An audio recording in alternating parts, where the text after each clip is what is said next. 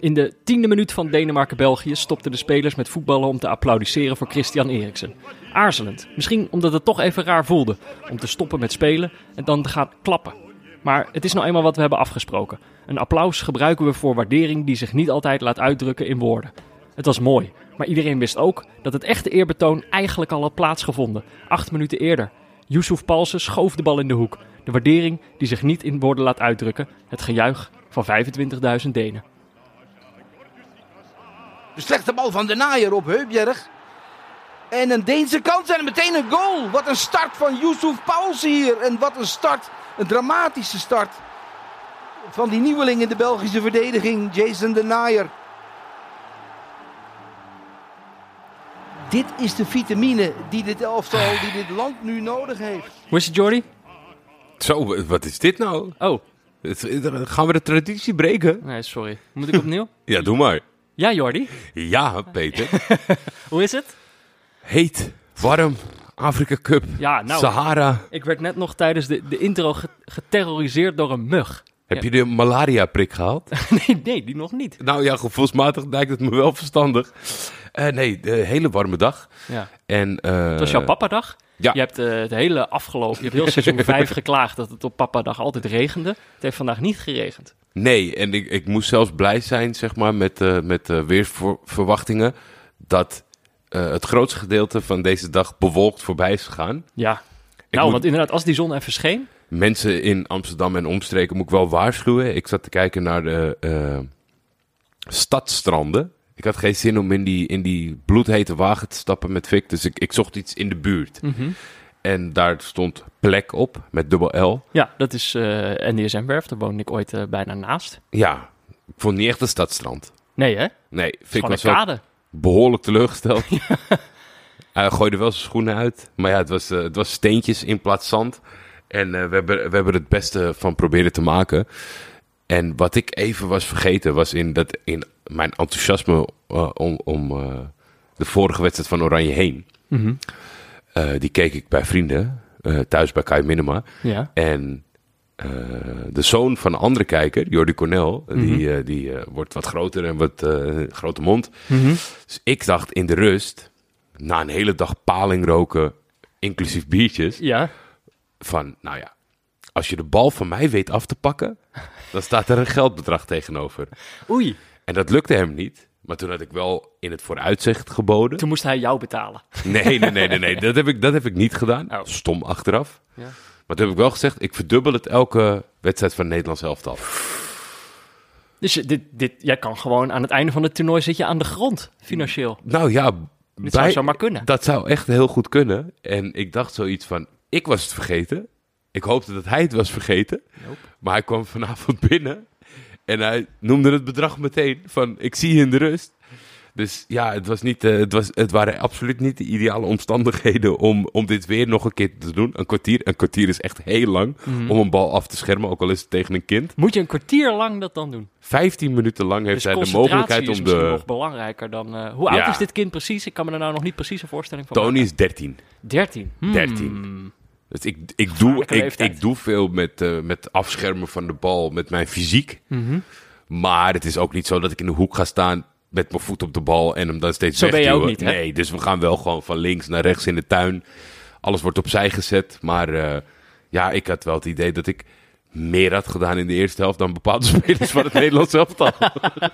Nou ja, ik weet niet, eh, misschien moeten zij er ook een, een geldbedrag op zetten eh, richting het einde van het toernooi. nou, het, eh, het motiveert wel, want ik, ik, schrok, ik schrok van het totaalbedrag. Dus ik heb ontzettend mijn best gedaan. Ehm, ja, jij noemde het Nederlands elftal al. Dit is natuurlijk weer een eh, lastige aflevering voor neutrale Zeker. kijkers. Eh, want dit is nou eenmaal neutrale kijkers, dus we moeten neutraal blijven. Maar mocht je nou eh, willen weten wat wij echt vonden van het Nederlands elftal vandaag tegen Oostenrijk... eh, dan moet je luisteren naar onze spin-off show Niet Neutrale Kijkers. Voor meer informatie kan je kijken op vriendvandeshow.nl slash neutrale kijkers. En, alvast een leuke teaser, we hebben een verslag uit het stadion van luisteraar Thomas Hoogeling. Dus nou ja, mocht je dat willen horen, dan weet je dat wel te vinden. Kei gezellig. Voordat we naar de speeldag gaan, moeten we dan natuurlijk altijd nog wat rectificaties doen. We Dat- zitten er lekker in. Ja joh, wij zitten maken er geen lekker fouten in. meer. Ik dacht die eerste dag was echt gewoon rectificatie naar rectificatie naar rectificatie. Maar nu we gewoon lekker in het toernooi zijn gegroeid. Nou, ze blijven uit. Ja, maar dat is lastig in het toernooi, hè? Zijn wij nou zo goed? Of zijn de luisteraars nou zo... Weet je wat, het kan ook dat zij een beetje scherpteverlies hebben. Nou, ik moet zeggen, ik heb gisteren natuurlijk in mijn zagrijn de luisteraar best aangepakt. Mhm. Dus vandaag eh, doe ik dat niet. Ik denk dat wij er gewoon lekker in zitten en Nou. dat, eh, dat zij dat waarderen. Ik kreeg wel nog wat commentaar. Dit is niet echt een rectificatie, maar Daan H. Die liet mij via Twitter weten dat eh, ik in de voorbeschouwing had aangekondigd dat ik weer ging proberen tijdens dit se- seizoen om echt dom te worden. Om weer domme dingen te zeggen, om de cirkel een beetje rond te maken. Mhm. Tijdens de WK 2018 was ik heel dom. De tussentijd heb ik de hele tijd geprobeerd om slimmer te worden. En nu wil ik weer terug op het punt komen waar ik drie jaar geleden begon. En Daan zegt, ja, dan heb je nog een lange weg te gaan. Die vond mij niet dom genoeg. Dus eh, ik voel me wel weer gepusht door de luisteraar om meer fouten te gaan maken. Dus mocht je ze horen, deze aflevering, eh, stuur vooral de rectificaties naar neutralekijkers.gmail.com. En dan moeten we het morgen rechtzetten. Wie weet, Jordi, wat er allemaal gaat gebeuren. Dan eh, had een andere luisteraar toch gelijk. Toen jij over afstandsschoten begon. Toen tweette een andere luisteraar van... Jezus Peter, jij hebt de lat nu zo hoog gelegd qua dommigheid. dat ga je dit toernooi nooit meer bij. Ja, benen. maar was, was dat objectief dom of eh, was dat in zijn ogen dom? Dat is natuurlijk ook een beetje eh, het punt. Hè? Maar goed, let maar op. Deze, we moeten weer drie wedstrijden bespreken. Ik ga vast weer genoeg eh, domme dingen zeggen. Zullen we gewoon chronologisch de speeldag doen en dan beginnen om drie uur in de Arena Nationale in Boekarest? Ga ik alvast iets voor de hele dag verklappen. Oh. Heerlijke dag gehad. Ja? Heerlijke dag gehad. Kan niet Oh, anders eh, zeggen. Voor de neutrale kijker was dit een goede dag, zeg jij? Ik vond van wel. Ik vond van wel. Oekraïne, Noord-Macedonië begon het mee. Eh, ja, allebei natuurlijk iets recht te zetten. Daar had ik het gisteren al over, het recht zetten. Eh, Oekraïne natuurlijk de eerste wedstrijd verloren van Nederland. Ik dacht dat ze daar wel wat hoop uitgehaald zouden hebben. Mhm. Eh, Noord-Macedonië de eerste wedstrijd verloren van Oostenrijk. Eh, het is ook een beetje vechten voor je laatste kans dan eigenlijk. Ja. Eh, want als je niet wint, dan, eh, dan kan je het bijna, bijna vergeten. Ehm, en Nou. wij vroegen ons gisteren af, gaat het Oekraïne lukken om het spel te maken? Dat was eigenlijk een beetje de vraag waarmee ik naar deze wedstrijd keek. Terechte vraag. En ik moet ook zeggen dat als ik net nog geen minuut geleden heb gezegd dat het een perfecte dag was voor de neutrale kijker. Die begon 45 minuten later dan het eerste duel begon. Want de, de eerste helft was gewoon, ja, Oekraïne was herenmeester. was niks aan de hand. Was goed. Eh, de tandem Jarmolenko-Jaremchuk werkte als een trein. Zeker, net zoals tegen Nederland eh, waren ze ook hier eh, scherp. Ja, maar ik, ik, nu was zeg maar de, de, de kwaliteitsverhouding was natuurlijk iets gedraaid. Daar konden ze wat meer afwachten. Nu moesten ze wat meer zelf doen. Ja. En, en die invulling daaraan was perfect. Het, eigenlijk het gekke was dat ze pas zo laat, of zo laat, ze kwamen pas na een half uur aandringen, maakte, maakte Jarmolenko die eerste goal. En dat het nog zo lang duurde had eigenlijk ermee te maken dat ze niet zelfzuchtig genoeg waren. Ja. Soms dat duurde het heel lang met scoren omdat ze niet om zich heen kijken. Nu keken ze bijna te veel om zich heen misschien wel. Ja, maar ik moet, ik moet zeggen, er valt heel weinig aan te merken voetbalinhoudelijk op de eerste helft van Oekraïne. Zij waren eh, de bovenliggende partij, ze waren de betere partij, maken twee goede goals. Je ziet dan ook opeens dat het niveauverschil toch best wel groot is tussen Oekraïne en Noord-Macedonië. Ja, Terwijl je in al, in al mijn wishful thinking dacht ik, nou hoeveel kunnen die elkaar nou ontlopen? Nou, best wel veel. In die eerste helft in ieder geval. ja tot, tot één moment, niet, niet, eh, eh, volgens mij niet heel lang na de 2-0, die eh Jaremchuk eh, binnenschiet. Eigenlijk had hij een identieke kans gemist en nu wist hij hem wel af te ronden. En dan is daar toch één moment van good old Goran Pandev. Ja, Ja, stiftje. Daar, daar baalde ik zo als een stekker van. Want weet je, we leven in het tijdperk van de VAR. Mhm. En dan snap ik, zeg maar, zo'n grensrechter niet. Dat als het een twijfelgevalletje is, laat het lekker doorlopen. En dan word je wel gecorrigeerd. Maar hij koos ervoor om toch zijn vlag in de lucht te steken. Dus die hele spanning hebben we niet gehad. Maar die afronding van die goal van Coro Pandev. Ja, ik, ik, ik, Ja, want hij moet zich nog tussen een paar verdedigers... eh, moet hij die bal nog een beetje afschermen eigenlijk. ja, En dan in, in die drukte heeft hij nog wel de, is hij nog wel rustig genoeg van geest om, om over de keeper heen te kunnen stiften. Ja, maar en, en dat, is- dat vind ik absoluut het mooie ervan, zeg maar. Van modern voetbal, multifunctionele spelers, snel, fit. En dan komt die 37-jarige opa. Ja, dit is echt een man die naar gewoon hart, hè? super kalm blijft. En, dan, en, en, en dat is zoveel zeggend wat je, wat je vaak zoekt. Dat die kwaliteit echt belangrijker is dan al die ja, algemene boxjes, zeg maar. Qua fitheid en, en, en Ja, ik bedoel, van tevoren eh, in, in zo'n voorbeschouwing noem je Pandev al dat je daarop gaat letten. Maar het is natuurlijk ook nog wel extra kwaliteit dat hij gewoon nu twee wedstrijden gedeliverd heeft. Ja. Als 37-jarige, een beetje zwaarlijvige eh, eh, man. Ja, en dat, dat, is, dat is gewoon echt top. Maar ik begreep wel, in de rust ging, was het sentiment natuurlijk van ja... We gaan nu of een hele saaie tweede helft tegemoet... of Oekraïne zet nog aan en het wordt eh, het telraam Ja, erbij pakken. Neutrale kijker had de moed een beetje opgegeven. Ja, Eh, maar toen... Ja, maar toen... beetje geluk eigenlijk, toch? Die penalty die ze krijgen. Nou, ik vond het wel een soort van loon naar werken. De, de trainer had natuurlijk ingegrepen met de wissels. En er was er eentje ingekomen die een, eh, die een fijn schot had. Eh, Maar dat wist hij van zichzelf. Dus, dus elke mogelijkheid, mogelijkheid maakte hij gebruik van zijn kwaliteit om te schieten. En dit was echt een prachtig schot. En ook alle credits eh, naar uh, Boestjan, de keeper van Oekraïne. Hoe hij hem eruit weet te halen. En eigenlijk tegen de, tegen de kruising aantikt. Maar daar was weer de slimme oude Vos. Ja, dat, maar ja wat, wat moet ik er anders van zeggen? Goran Pandev loopt op die bal. Er valt helemaal niks te halen. En dan is hij gewoon slimmer dan zijn tegenstander. Hij zet zijn benen voor. Die gozer van Oekraïne schopt tegen zijn, tegen zijn kuit aan. Ja. Liggen. En ik moet wel echt... Straks gaan we natuurlijk met, eh, met, eh, met de grote trendwatcher praten. Mhm. Maar ik vind hoe normaal het op dit toernooi is geworden om... Als je weet dat je zelf iets fout hebt gedaan, om dan te doen alsof jij zelf ook pijn hebt. Ik haat dat. Ik, ha ik, ik heb daar zo werkelijk... Dat was ook altijd vroeger op het schoolplein. Ja, als je dan, als je gaf je, ja. dan gaf je iemand een peer. En dan ging je zelf... Oh, oh, oh, je, maar eerst hij. Of eh, ik heb ook pijn. En, eh, Het is denk ik ook onweerstaanbaar voor een, voor een scheids om, om op zo'n moment te denken... oh, er zal wel aan twee kanten iets gebeurd zijn. Toch? Wat je ook hebt gezien. ja, Terwijl op tv inderdaad ziet het er altijd zo lelijk uit. Dat Ja, vind je jij zegt, je, zegt de, je zegt de scheids. Misschien moeten we daarop inhaken. Eh, we hebben vandaag... Ik heb vandaag twee antwoorden gezien. Eentje was over de app, dus die heb jij waarschijnlijk niet gezien. Eentje was op Twitter over eh, dat wij weer een vraag hebben gesteld... waarvan we weten dat meestal, als wij het niet weten... dan is er een luisteraar die het uitzoekt of het wel weet. Mhm. Hoe de fuck is hier een Argentijnse scheidsrechter? Ja, dat snapte ik ook niet helemaal. Wat? Ja, nee, dat vind ik, maar dat vind ik ook zonde van de plek. We hebben toch in Europa genoeg goede scheidsrechters? Het is toch een, een, een EK, geeft dan die, die Europese jongens die we nu hebben thuisgelaten. Omdat blijkbaar een Argentijnse man moet, eh, moet fluiten. Maar die hebben nou geen kans. Wat is het verhaal hierachter? Ik heb dit echt nog nooit meegemaakt. Dan heb je de Copa America. Die nodigt wel eens landen uit om deel te nemen aan het toernooi. Mhm. Als soort van marketing slash bonusmateriaal. Maar ik, ik dacht... Kunnen we gelijk een shout-out geven aan de commentator. Het was eh, Frank Wielaert. Ja, daar was hij weer. Eh, ik, ik wijde daar... Big Frank. Ik, ja, zeker. De, eh, ik, ik wijde daar na de wedstrijd eh, eh, een tweetje aan. En er waren er nog mensen die het een en ander hadden op te merken. Hansbal, vond ik leuk. Ja, Vond ik leuk. nou dat was... Dat een was- leuke verspreking. Dit, dit, was Geen een, ramp. dit was een vervelend moment in de wedstrijd. Maar een, een hoogtepunt door Frank Wielaert. Want het is inderdaad het is een moment... Er wordt een vrije trap genomen. het Noord-Macedonische muurtje springt. En Echt een zielige penalty. ja, toch super zielig. Want een hij- die een, de, een van de jongens in de muur... die houdt zijn eh, arm voor zijn gezicht. Ja. Ja. en dan steekt die arm... Je arm is breder dan je gezicht, zeg maar. Dus die steekt een beetje Als het uit. goed is wel. Ja, of je hebt een heel breed, eh, een soort Ernie-hoofd heb je dan als je je hele arm... Ja, maar de- deze man is toch geen Ernie? Dus dan, ja, dan raakt hij inderdaad met, die, met zijn arm raakt hij die bal. Maar dat komt omdat hij zijn gezicht aan het beschermen is. En dat vind ik weer niet zo gek.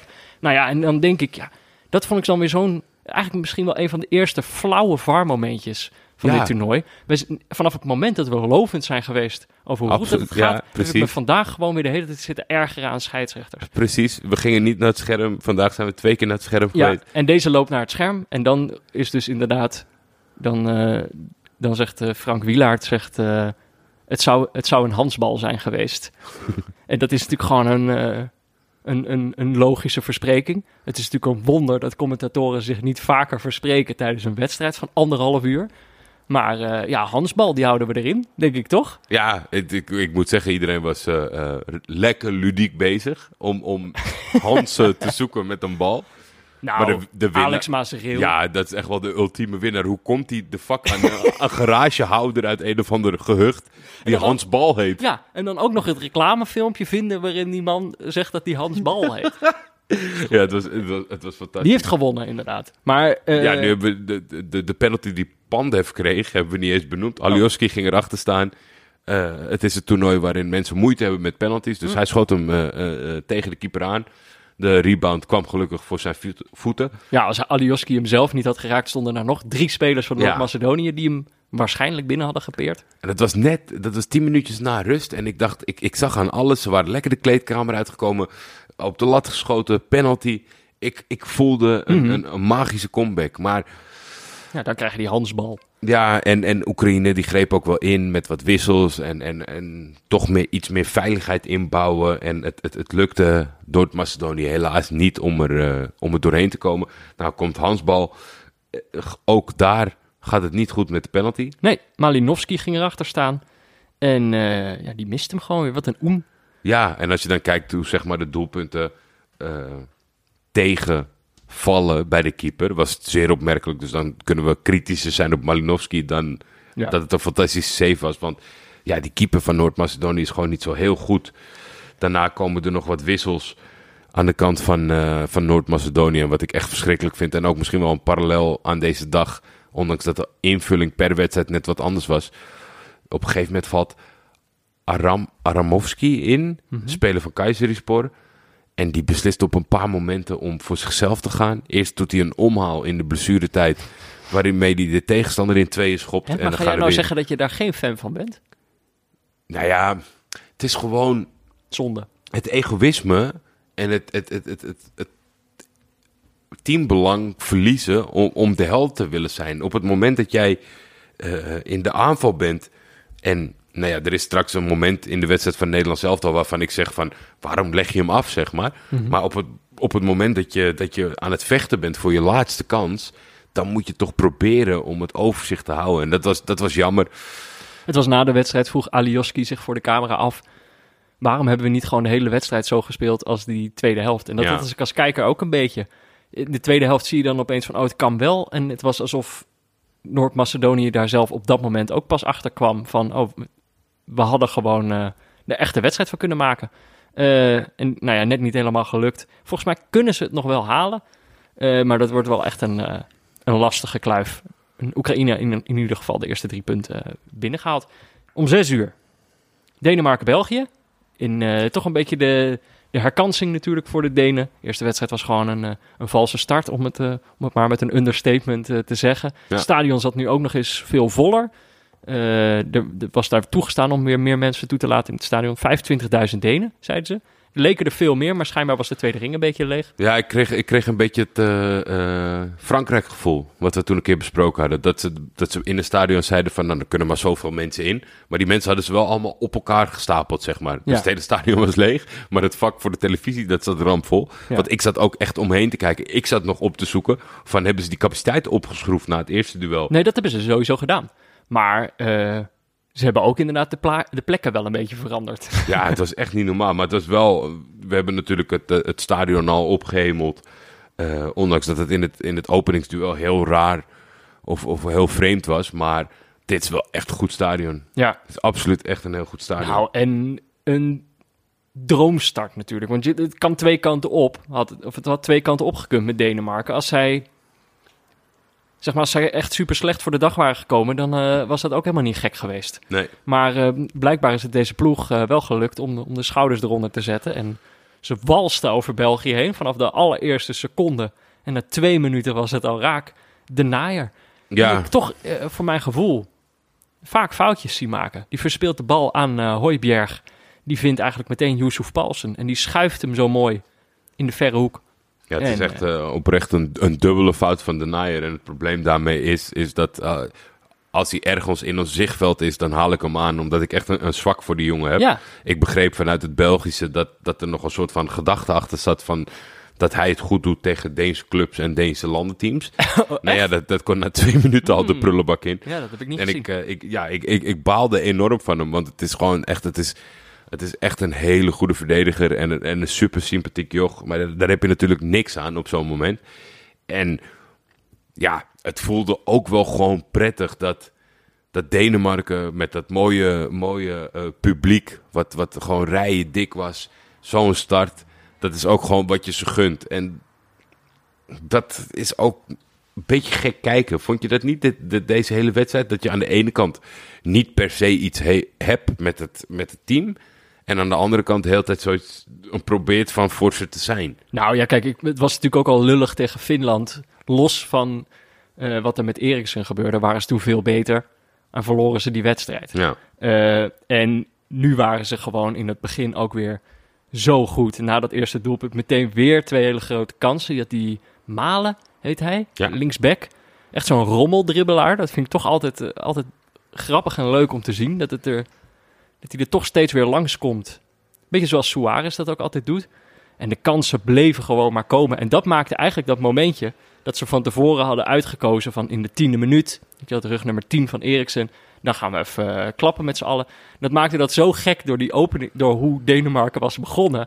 Dat je dacht het was bijna irritant voor Denemarken dat ze onderbroken werden daarin. ja zeker. En, maar En eigenlijk eh, het eerbetoon was al gaande of zo. En dan moet je nog even gaan klappen. Ik voelde wel al aan alles aankomen, zeg maar, dat eh, ehm, het balbezit op dat moment van België was problematisch, zeg maar. Want eigenlijk was België in de opbouw van een goede aanval. En de Denen zetten eh, het applaus in. Terwijl de commentator had gezegd van... als je echt de tiende minuut wil, dan zou dat als de negen in beeld is. Want dat is dan de tiende minuut.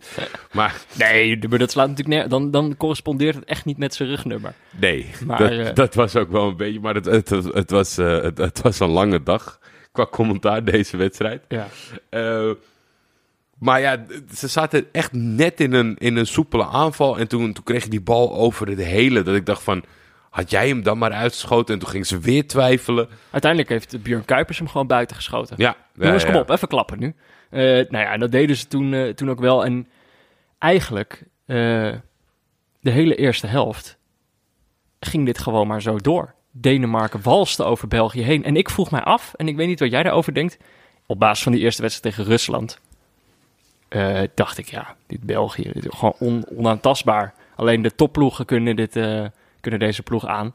Ja, en ik dacht, hebben wij, heb ik nou, is België gewoon niet zo ongenaakbaar? Of is Denemarken echt zo goed begonnen? Of was het een beetje van beide misschien? Het, het was zeker van beide. En nou weet je dat ik natuurlijk niet eh, de allerhoogste pet van ze op heb. Alleen, wat wel echt een belangrijke factor is in, in dit, of tenminste in het gevoel wat je van deze wedstrijd mag overhouden, is dat België in de rust de Bruine, of tenminste in de tweede helft de Bruine, Hazard en Witsel kan brengen. Kijk, dat, is, dat, Ja. dat geeft zo'n scheef beeld op, op waar we naar hebben zitten kijken. Want alle credits gaan naar Denemarken. En wat je zei, Malen was leuk, Damsgaard was leuk. Yusuf Paulsen deze best. Achterin Kjaar.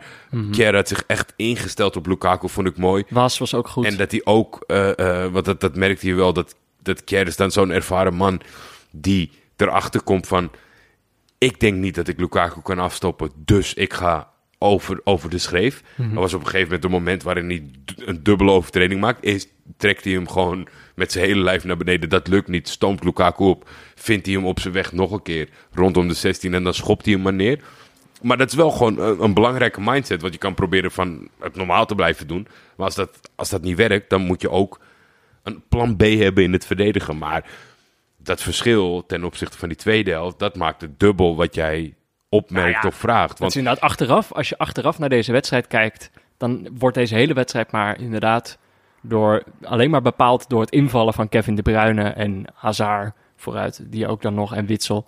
Maar dat is uiteindelijk wat, wat de uitslag bepaalt. En ik denk dat Denemarken eh, zal balen dat ze er in die eerste helft niet twee of drie hebben gemaakt. Het had best gekund. Ja, en daarover zou ik nog willen zeggen: het, het, het stuitende egoïsme van Braithwaite. En ik heb geen idee waar dat vandaan komt. Is het, is Misschien. het egoïsme of is het blindheid? Is toch ook gewoon een beetje blind, die man? Goeie vraag. Of nou niet, niet eh, letterlijk, Goeie maar vraag. ik denk, ik ik denk zeg maar in de. eh, het cruciale moment vlak voor rust, blindheid, wil ik hem wel meegeven. Maar ik denk in, op het allerlaatste moment, richting de blessuretijd, is het egoïsme. Want daar kan, je mij, daar kan je mij oprecht geen blindheid verkopen. Omdat zelfs als je naar beneden kijkt, dan zie je in je ooghoeken je teamgenoot staan. En daar ging hij nog een keer op een cruciaal moment voor zichzelf. Hm. En dat, dat, ja, ja, ja, dat zegt natuurlijk veel over deze jongen. Dat je twijfelt over blindheid of egoïsme. Dat je het niet helemaal zeker weet. Ja, Misschien dat dan toch eh, de club die achter zijn naam staat... hem zelf doet zweven. Wat is die in, dat die in de slotfase van de eerste helft, Peter, dat is, dat is gewoon, dat, dat, dat breekt de wedstrijd. Wordt het op dat moment 2-0?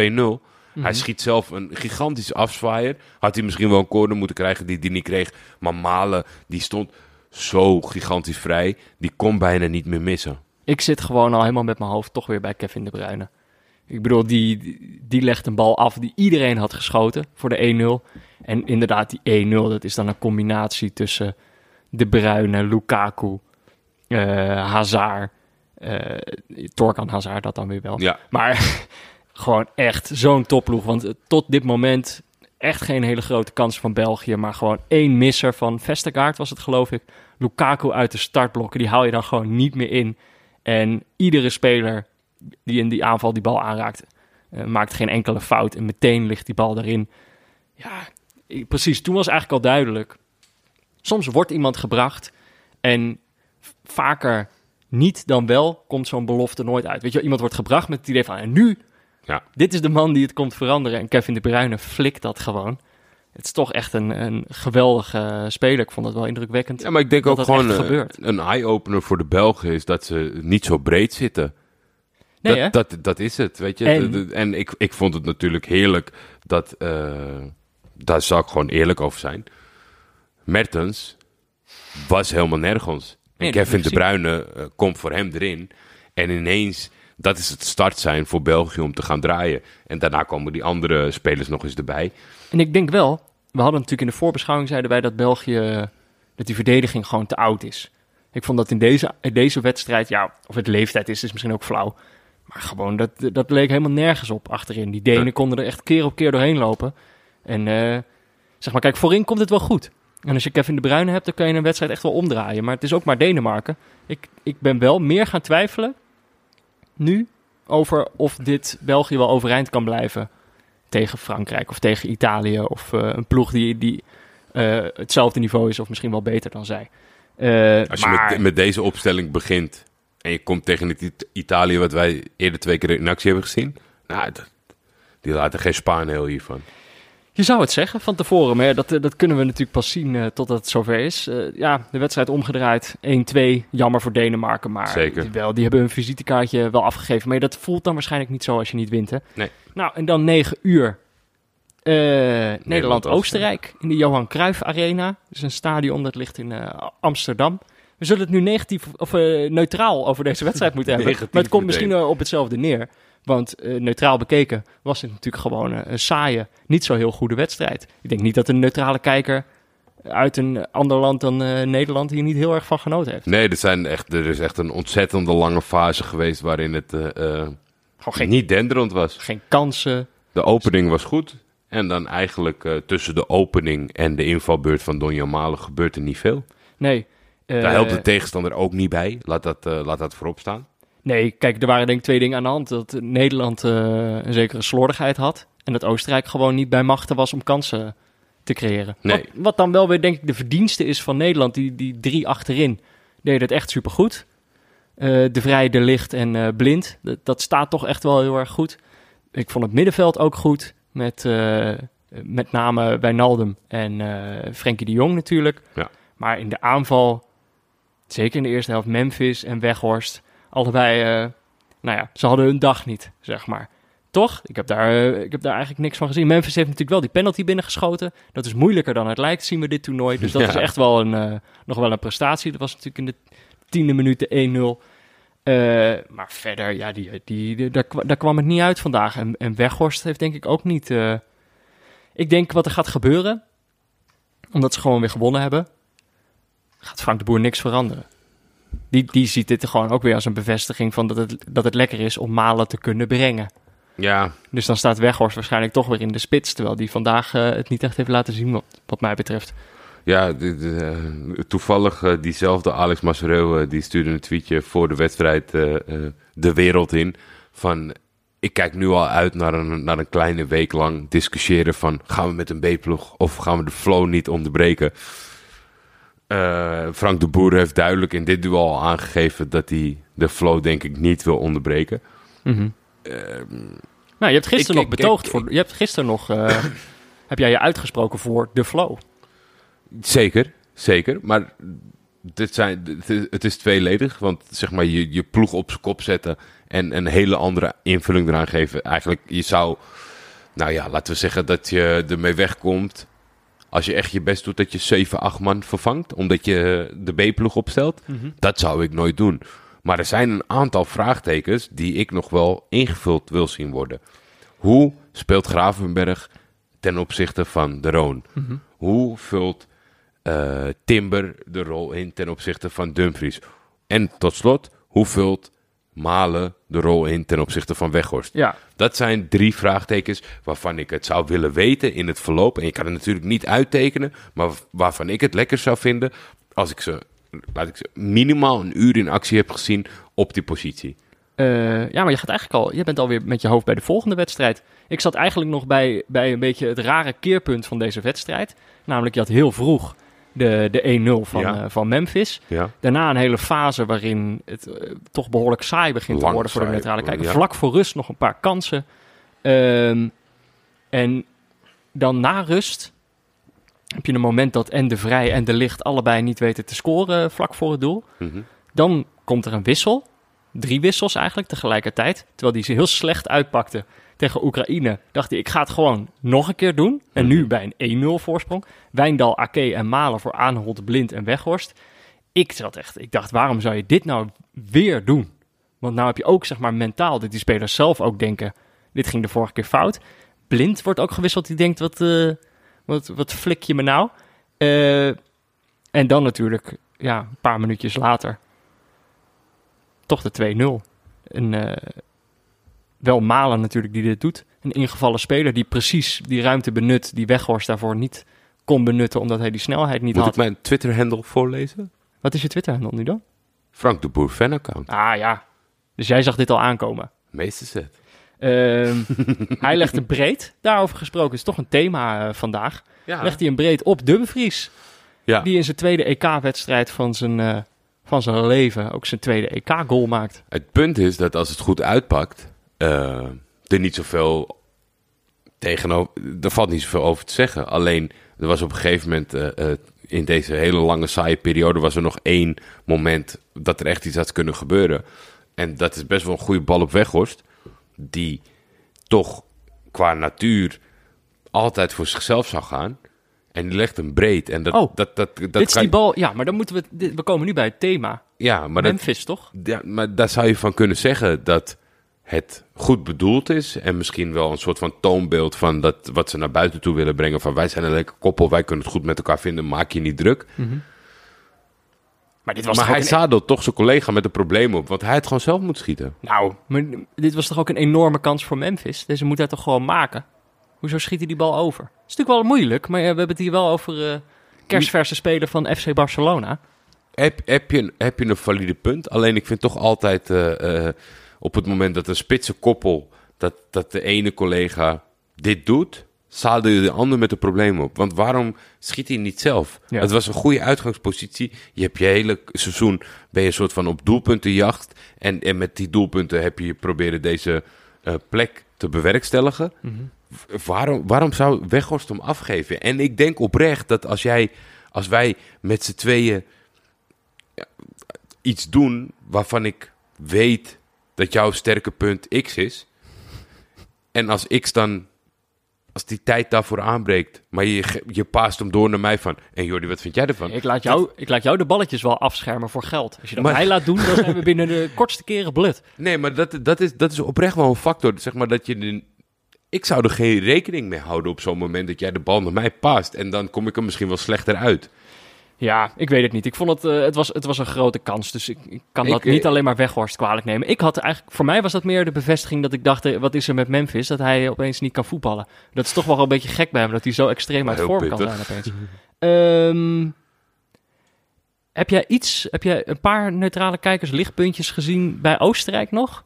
Nee, het is echt een ballenploeg. Ik, ik snap, eh, voor de- tijdens, de, tijdens het voorbeschouw kwamen wij er natuurlijk achter dat het, het volk het, het, het liefst Franco Foda in de fik steekt. Nou ja, die zijn, misschien, die zijn misschien inderdaad nog wel somberder naar dit EK gekomen dan Nederland. Dat, is, ja, dat lijkt me wel zo. En ik, hier En ze, staan er, ze, ze staan er, ze staan er niet eens per se heel slecht voor natuurlijk met de kans om door te gaan. Maar ja, aan de andere kant denk je van waarom zouden ze door moeten gaan? Deze ploeg heeft helemaal tegen een serieus te- tegenstander echt niks te zoeken. Eh, op het einde speelde Nederland nog wel een beetje met vuur. Afstandsschot van eh, Alaba, waarvan je toch wel weet dat hij dat die goed kan Mhm. knallen, gaat maar net naast. Dat was wel op een moment als die erin was gevlogen. Eh, was het nog een, eh, was het misschien voor de neutrale kijker nog wel een leuk laatste kwartier geworden. En nog een, eh, een kopkans. Maar dat waren eigenlijk de enige gevaarlijke momenten van, van Oostenrijk. Ik dacht misschien wel de saaiste wedstrijd van het toernooi tot nu toe. Voor de neutrale kijker. Denk jij niet? Hmm. Ik, heb geen, ik kan me geen saaier herinneren. Moet ik nu wel graven? Ik vond, jeetje. Ja, Ja, in de eerste speelronde zit er wel eentje tussen hoor. oké. In de eerste speel. Kom ik morgen op terug. Oké. De allersaaiste wedstrijd van dit toernooi. Eh, en dan heb ik nog één uitspraak van Jeroen Gruter die ik niet begreep. Maar ik, ik zat ook... Misschien heb ik iets gemist. Hij zei het volgende.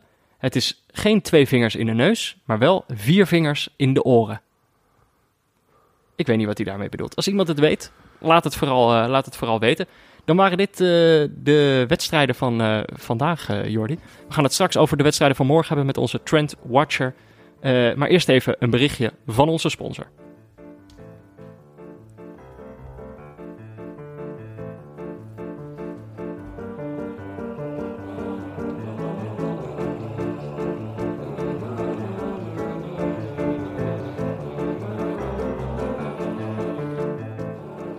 Want ook deze aflevering van Neutrale Kijkers wordt natuurlijk mede mogelijk gemaakt door Auto.nl. Auto.nl heeft deze zomer het perfecte autorijnummer laten maken door Tim Knol. Maar de Neutrale Kijker die zit natuurlijk vooral thuis op de bank voetbal te kijken.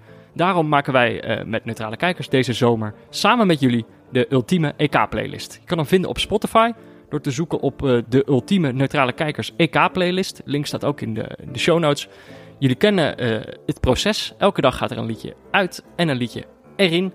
Eh, en vandaag hebben we Joost Bakker. Die mailde het volgende. Beste Peter en Jordi. Graag wil ik een suggestie aandragen voor de EK-playlist. Het gaat om Coro Azzurro van Gil Autogol en DJ Matrix. de, neutrale, veel goed. de neutrale kijker heeft het dit seizoen maar moeilijk. Tuurlijk, er is altijd wat te kijken, maar voetbal is echt leuker als je een favoriet hebt. Een verhaal. Daarom is neutraal toernooi kijken pas echt leuk. En jullie hebben ons daarbij geholpen in de voorbeschouwing door ons vooral leuke landen te tippen. Nu, na de eerste ronde, kunnen we een tussenbalans opmaken. Welk team is leuk voor de neutrale kijker? Welke teams laten we links liggen? Hebben we stiekem al een favoriet als neutrale kijker? En kan dat eigenlijk wel? Ik wil een lans breken voor het Italiaanse elftal, de Azzurri. Een land zo hard geraakt door het coronavirus. Een volk dat zich als één verenigt achter de Azzurri. Een elftal dat teamgeest uitstraalt. Toch wel een serieus aantal prima voetballers en een coach die een duidelijk beeld heeft hoe te spelen.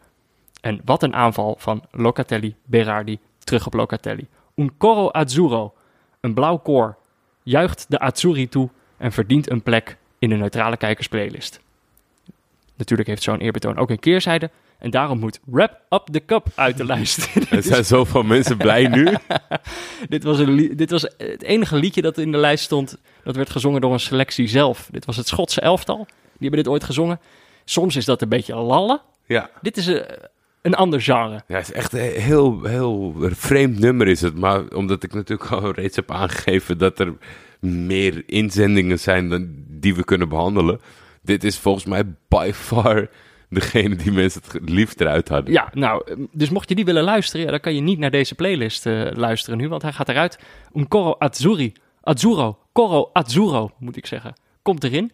Eh, mocht je ook een liedje in deze lijst willen zetten, dan kan je dat doen door een mailtje te sturen naar neutralekijkers.gmail.com met het liedje dat jou in de perfecte eindtoernooistemming brengt. eh, en natuurlijk de reden waarom. Eh, en natuurlijk ook het liedje dat de lijst zal moeten verlaten. Twee regels. Tim Knol mag er niet uit. Eh, we zijn contractueel verplicht door onze sponsor om Tim Knol erin te laten staan. En het is natuurlijk ook gewoon een fantastisch liedje. Wandering Heart. Wandering Heart. Ik luister het iedere start dag. er elke dag mee. Eh, en de andere is eh, zorg dat het een liedje is dat op Spotify staat. Ik moet het blijven zeggen, anders vergeet ze dat weer. Dus eh, luister vooral naar de ultieme neutrale kijkers EK playlist in samenwerking met Auto.nl op Spotify. Tijd om te bellen, Jordi. We zijn vandaag wat, wat vroeger, dus we hebben goede hoop dat hij nog wakker is. En je weet ook, 33 minuten geleden zat hij nog scheidlollig te doen met Sam van Raalte. Dus ik mag hopen dat hij wakker is. en je weet ook, kijk, eh gisteren was op tijd naar bed gaan nog een trend. Trends veranderen zo snel. Misschien is vandaag wel een trend om laat naar bed te gaan. We gaan eh, met hem natuurlijk ook praten over het drietal wedstrijden van morgen. Zweden, Slowakije, Kroatië, Schotland en eh, Tsjechië, Engeland. We zullen zien hoe de man met de vooruitziende blik ernaar kijkt.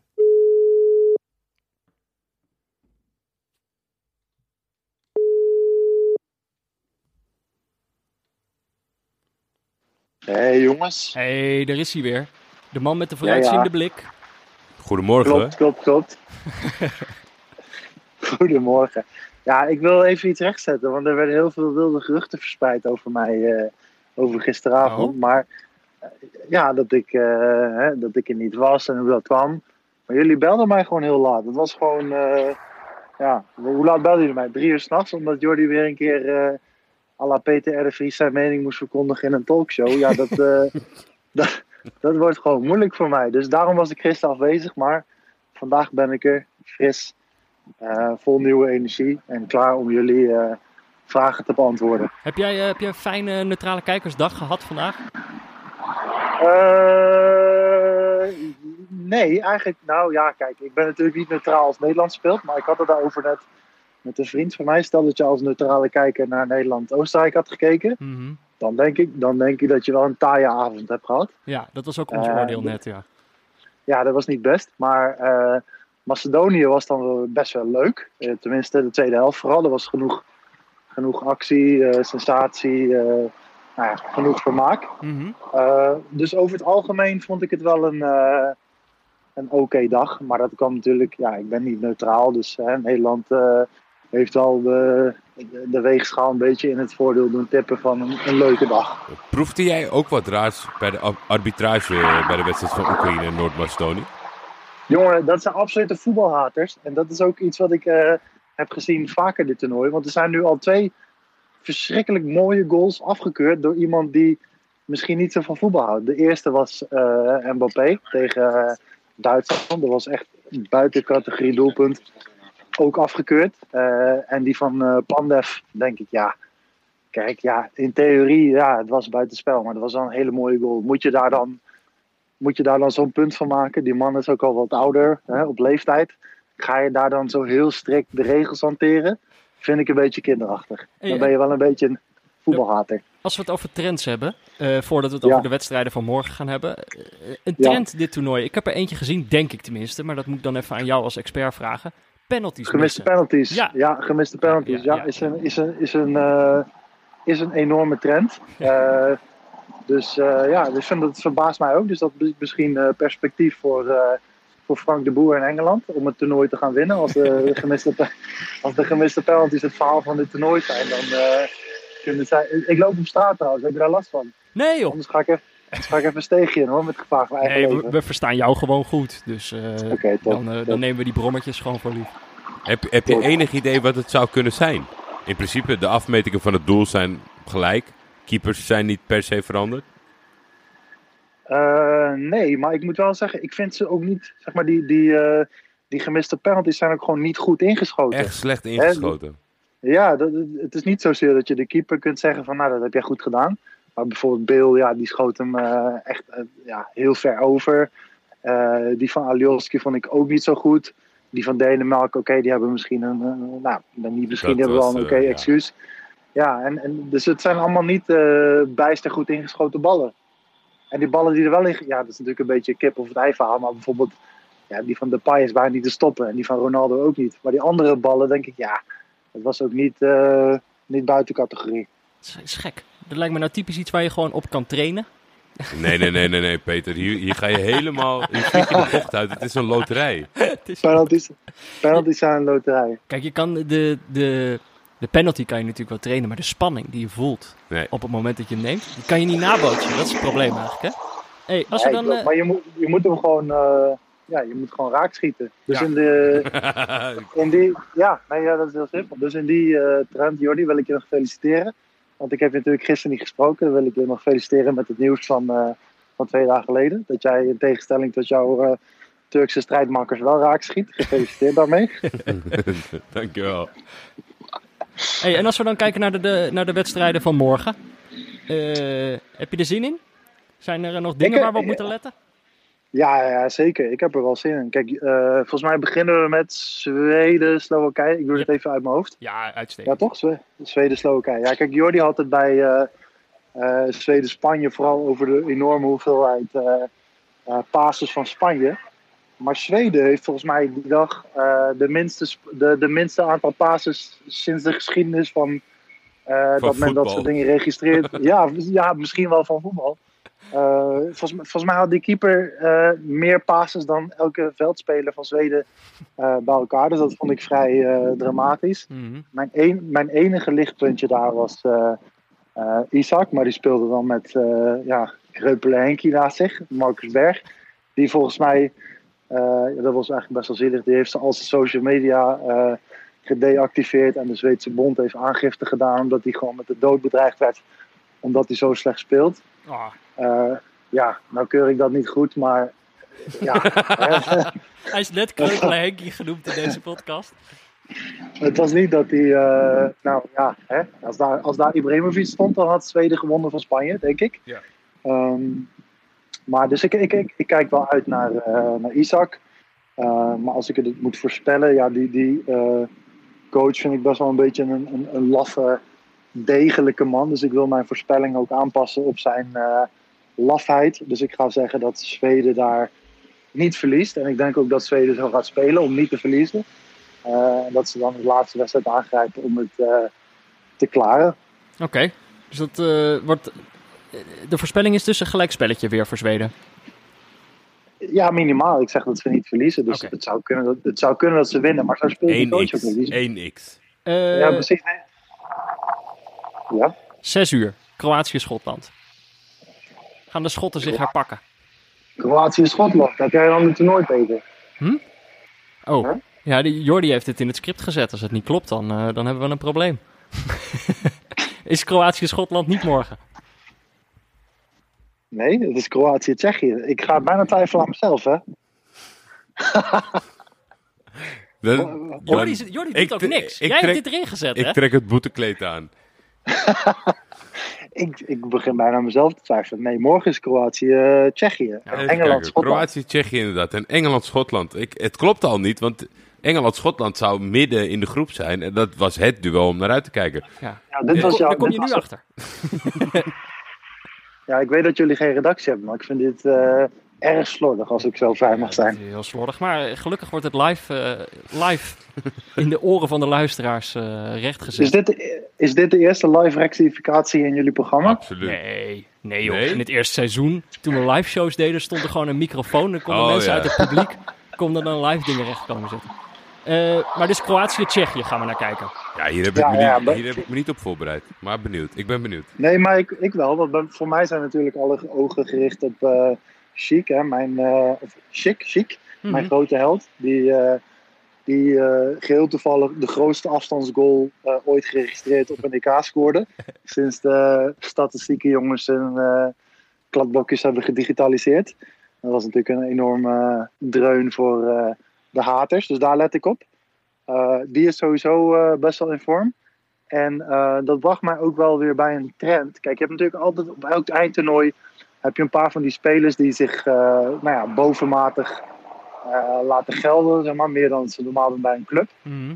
Eh, en, en op basis daarvan een, een transfer verdienen die eigenlijk, nou ja, die ze eigenlijk niet waard zijn, maar Ja. waar gewoon een premium voor betaald wordt. En ik denk, zeg maar na, na vandaag heb ik daar nog een derde bij, maar na, zeg maar na de eerste paar dagen had ik Chic op dat lijstje staan, die misschien hè, op basis van dit toernooi een klapper gaat maken. Mhm. Gi- gisteren kwam daar Locatelli bij. Poyan Maar na Palo? vanavond, Had je Poyan Palo er niet op staan van Finland? Die had ik erop gezet. Nee. Oh. nee, die is, die is niet op mijn eh, lijstje gekomen, Ah, sorry. Ja, jij bent Maar wie wel, op, ja, daarom. Maar wie wel op mijn lijstje is gekomen na vanavond, en dat is misschien wel de redding van eh, PSV, is Dumfries. Ja. Want die is ook zeg maar ver boven zijn niveau aan het presteren nu. En dan heb je natuurlijk, el- elke club heeft van die luie scouts die eh, nou ja, op zo'n toernooi denken, weet je wat, we gaan even kijken wat er te halen valt. Dus dat is mijn, Oké. top drie van. Dat, is, dat wil ik eigenlijk, als, als het mag van jullie eh, als host en van de luisteraars, wil ik ook zeg maar de toernooiklappers gaan bijhouden. Van nou, wie zijn nou de spelers die een onterechte megaklapper gaan maken eh, op de transfermarkt? Punt is, Ehm, punt is alleen een beetje dat als het dan uitkomt, dan moet je dat zelf gaan tweeten. Want dan zijn wij er niet meer, zeg maar. Dus dat is, dat is, dat is wel een Oh, ja, factor. maar, Die eh, maakt het misschien niet iets minder interessant, maar houd het vooral bij. en ja, mensen gaan je daaraan vasthouden. Maar als dan iets uitkomt, Ik- dan moet je zelf refereren naar... Dit heb ik gezegd twee maanden geleden.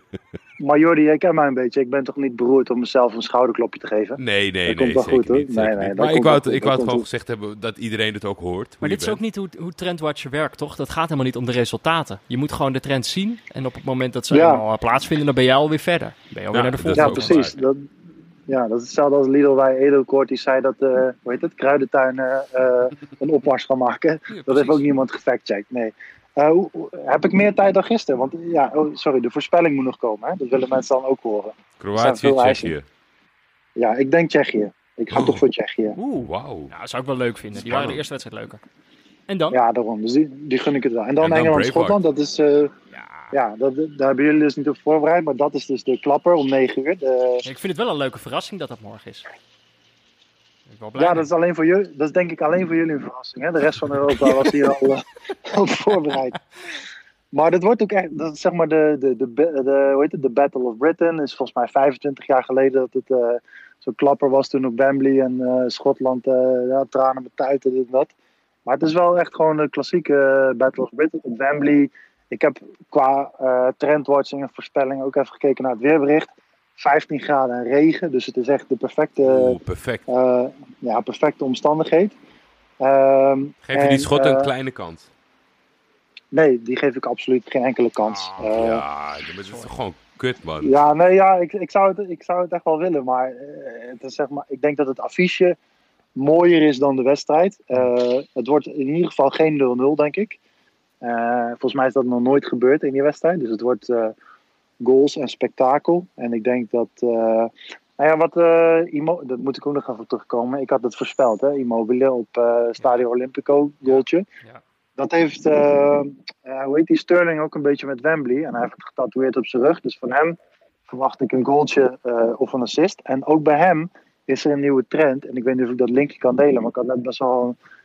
Het, het komt nu misschien over alsof ik een statistiekenhater ben, maar dat ben ik helemaal niet. En ook helemaal geen eh tactiekhater. Dus ik bij, bij deze wil ik ook... eh, hoe zeg je dat? De strijdbijl begraven met Pieter? Ik wil, de, ik wil de strijdbijl begraven met Pieter eh, Zwart en consorten. Nou, Ehm, maar ik had een heel tof artikel gelezen over dat Engeland ehm, de ingooi eh, als nieuw wapen gaat gebruiken. En dat zij de ingooi steekpaas hebben bedacht. En dat dat de reden is waarom eh Trippier speelde in plaats van... geen idee in plaats van wie. Maar er was toch best wel veel sensatie. Ja, precies. Nee, ja, Walker speelde sowieso. Nee, maar, in plaats van dat- de Shaw of... eh, ja, precies. Dat Trippier eigenlijk. Ja, aan de linkerkant. ja, ja want eh, die Southgate heeft dus een soort van ingooi eh, routine bedacht. Samen met waarschijnlijk een ingooicoach waar heel lacherig over wordt gedaan. Maar zij hebben dus iets nieuws bedacht. En dat is de ingooi steekpaas. Waarbij ze eh, heel vaak ehm, Sterling lanceren.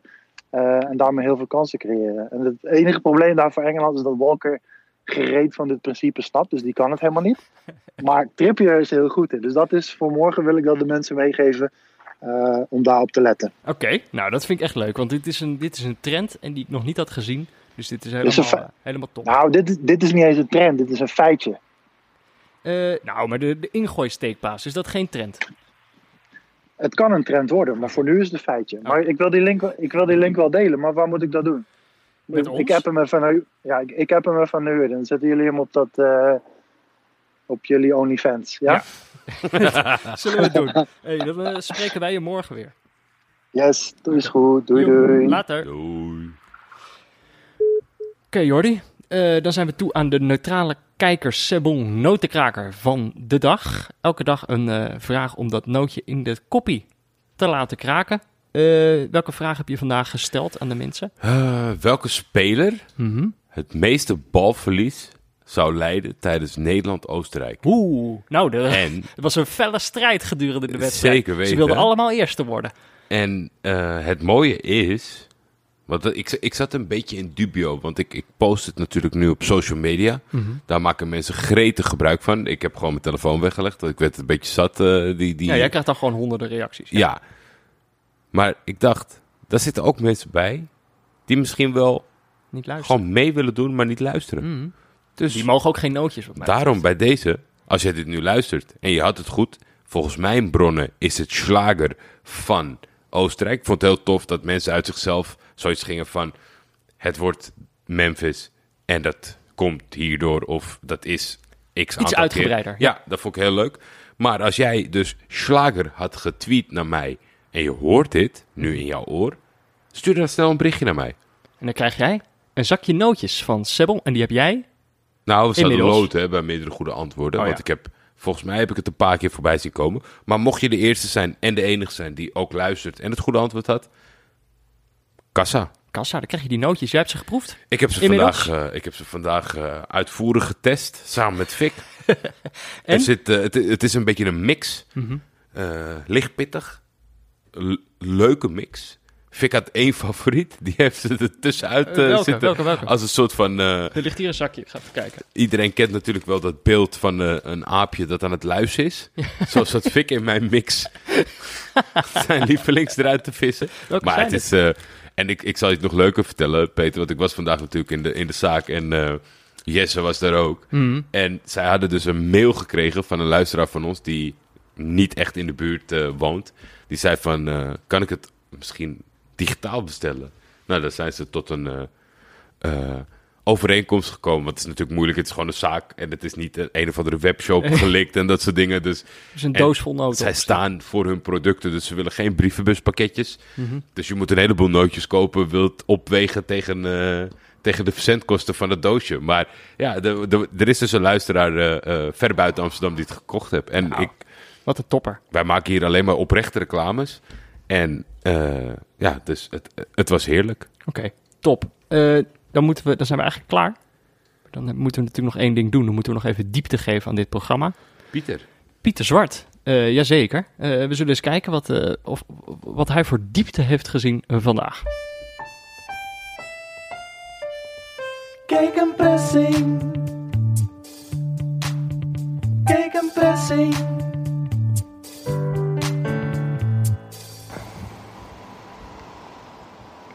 Omdat Oostenrijk een ploeg in slechte vorm is, moet Nederland niet denken dat we nu Europees kampioen worden. Maar deze pot was wel bemoedigend, omdat het achterin een stuk beter stond dan in de voorgaande wedstrijden. Wie wil, wie wil weten hoe dat komt, moet maar even VI Pro lezen. Maar het systeem en de spelers van Oostenrijk maakten dat mede mogelijk. Nu de voorzet en het eindloze spel over de vleugel uit oranje gesloopt zijn, heb ik nog één klein verzoek. Kunnen we stoppen met mandekking? Tegen Oostenrijk komen we hiermee weg. En straks tegen Noord-Macedonië ook. Maar ik maak me nu al zorgen over de bewegelijke tegenstander in de achtste finale. Kijk een pressing. Kijk een pressing. Ja, Ik had niet verwacht dit nog mee te maken, maar eh, de technische staf van Oranje die heeft eh, Pieter eh, ze lezen de artikelen. op een gevoelige snaar geraakt. Oh, dat ik, eh, ik, ik, ik proefde enige irritatie bij deze waarschuwing of, of het verzoek. Ja, ze moeten een abonnement nemen op VI Pro. Dat is volgens mij de boodschap van, Nou ja, eh, dat van is dit stukje. altijd zijn boodschap. Ja. Hypercommerciële man dat het is. Eh, maar we gaan straks natuurlijk verder praten over Nederland bij eh, niet-neutrale kijkers. En dan ga ik nu even afkondigen. Neutrale Kijkers is mede mogelijk gemaakt door Dag en Nacht Media. De hoofdsponsor op de borst is Auto.nl. De muziek is Tachanka van Leon Lischner en Friends en een adaptatie daarvan van Studio Cloak. De gegenpressing jingle is van Laurens Collet. De vooruitziende blik was van Ed de Blanke Bogarde. De diepteanalyse van Pieter Zwart. En de artworks zijn het werk van Barry Pirovano. Onze notenpartner is Sebbel, de beste notenbar van Amsterdam. Je kan daar de speciale niet zo neutrale kijkers borrelmix krijgen om lekker op te knabbelen tijdens de wedstrijden morgen. Wil je meepraten? Dat kan. Je kan ons volgen op Twitter via @buurtvader of @defef. Je kan ons mailen op neutralekijkers@gmail.com of je kan natuurlijk een berichtje sturen via vriendvandeshow.nl/slash neutralekijkers. Zijn er nog nieuwe vrienden daarover gesproken? Natuurlijk, Peter. Natuurlijk zijn er fatsoenlijke mensen op deze aardkloot. Eén daarvan is Niels. De andere daarvan is Hup. Een hele korte naam, lekker catchy. Ilan, Koen, Eelke Jansen, Jan Willem, En ja, op een of andere manier zijn er toch heel weinig mensen die een, die een profielfoto instellen. Koen, van, deze, van dit rijtje is Koen de enige met een, eh, met een foto. En wat, eh, wat is het voor foto? Eh, hij lijkt te karaoke. Het is gewoon Koen zelf. Heel veel mensen doen dan toch een plaatje van een voetballer. Ja, nee, nee, nee dit, dit, dit is waarschijnlijk Koen zelf. Nou, top. Welkom erbij. Welkom Hartstikke vrienden. gezellig. We nemen jullie mee naar eh, niet, ne- niet neutrale kijkers. Gaan we het lekker hebben over het Nederlands elftal. Want eh, nou, je hebt nu de neutrale mening gehoord. Hup Holland, hup. En nou, eh, straks gaan we het Wilhelmus zingen samen. Eh, see you tomorrow, Jordi. Tot morgen.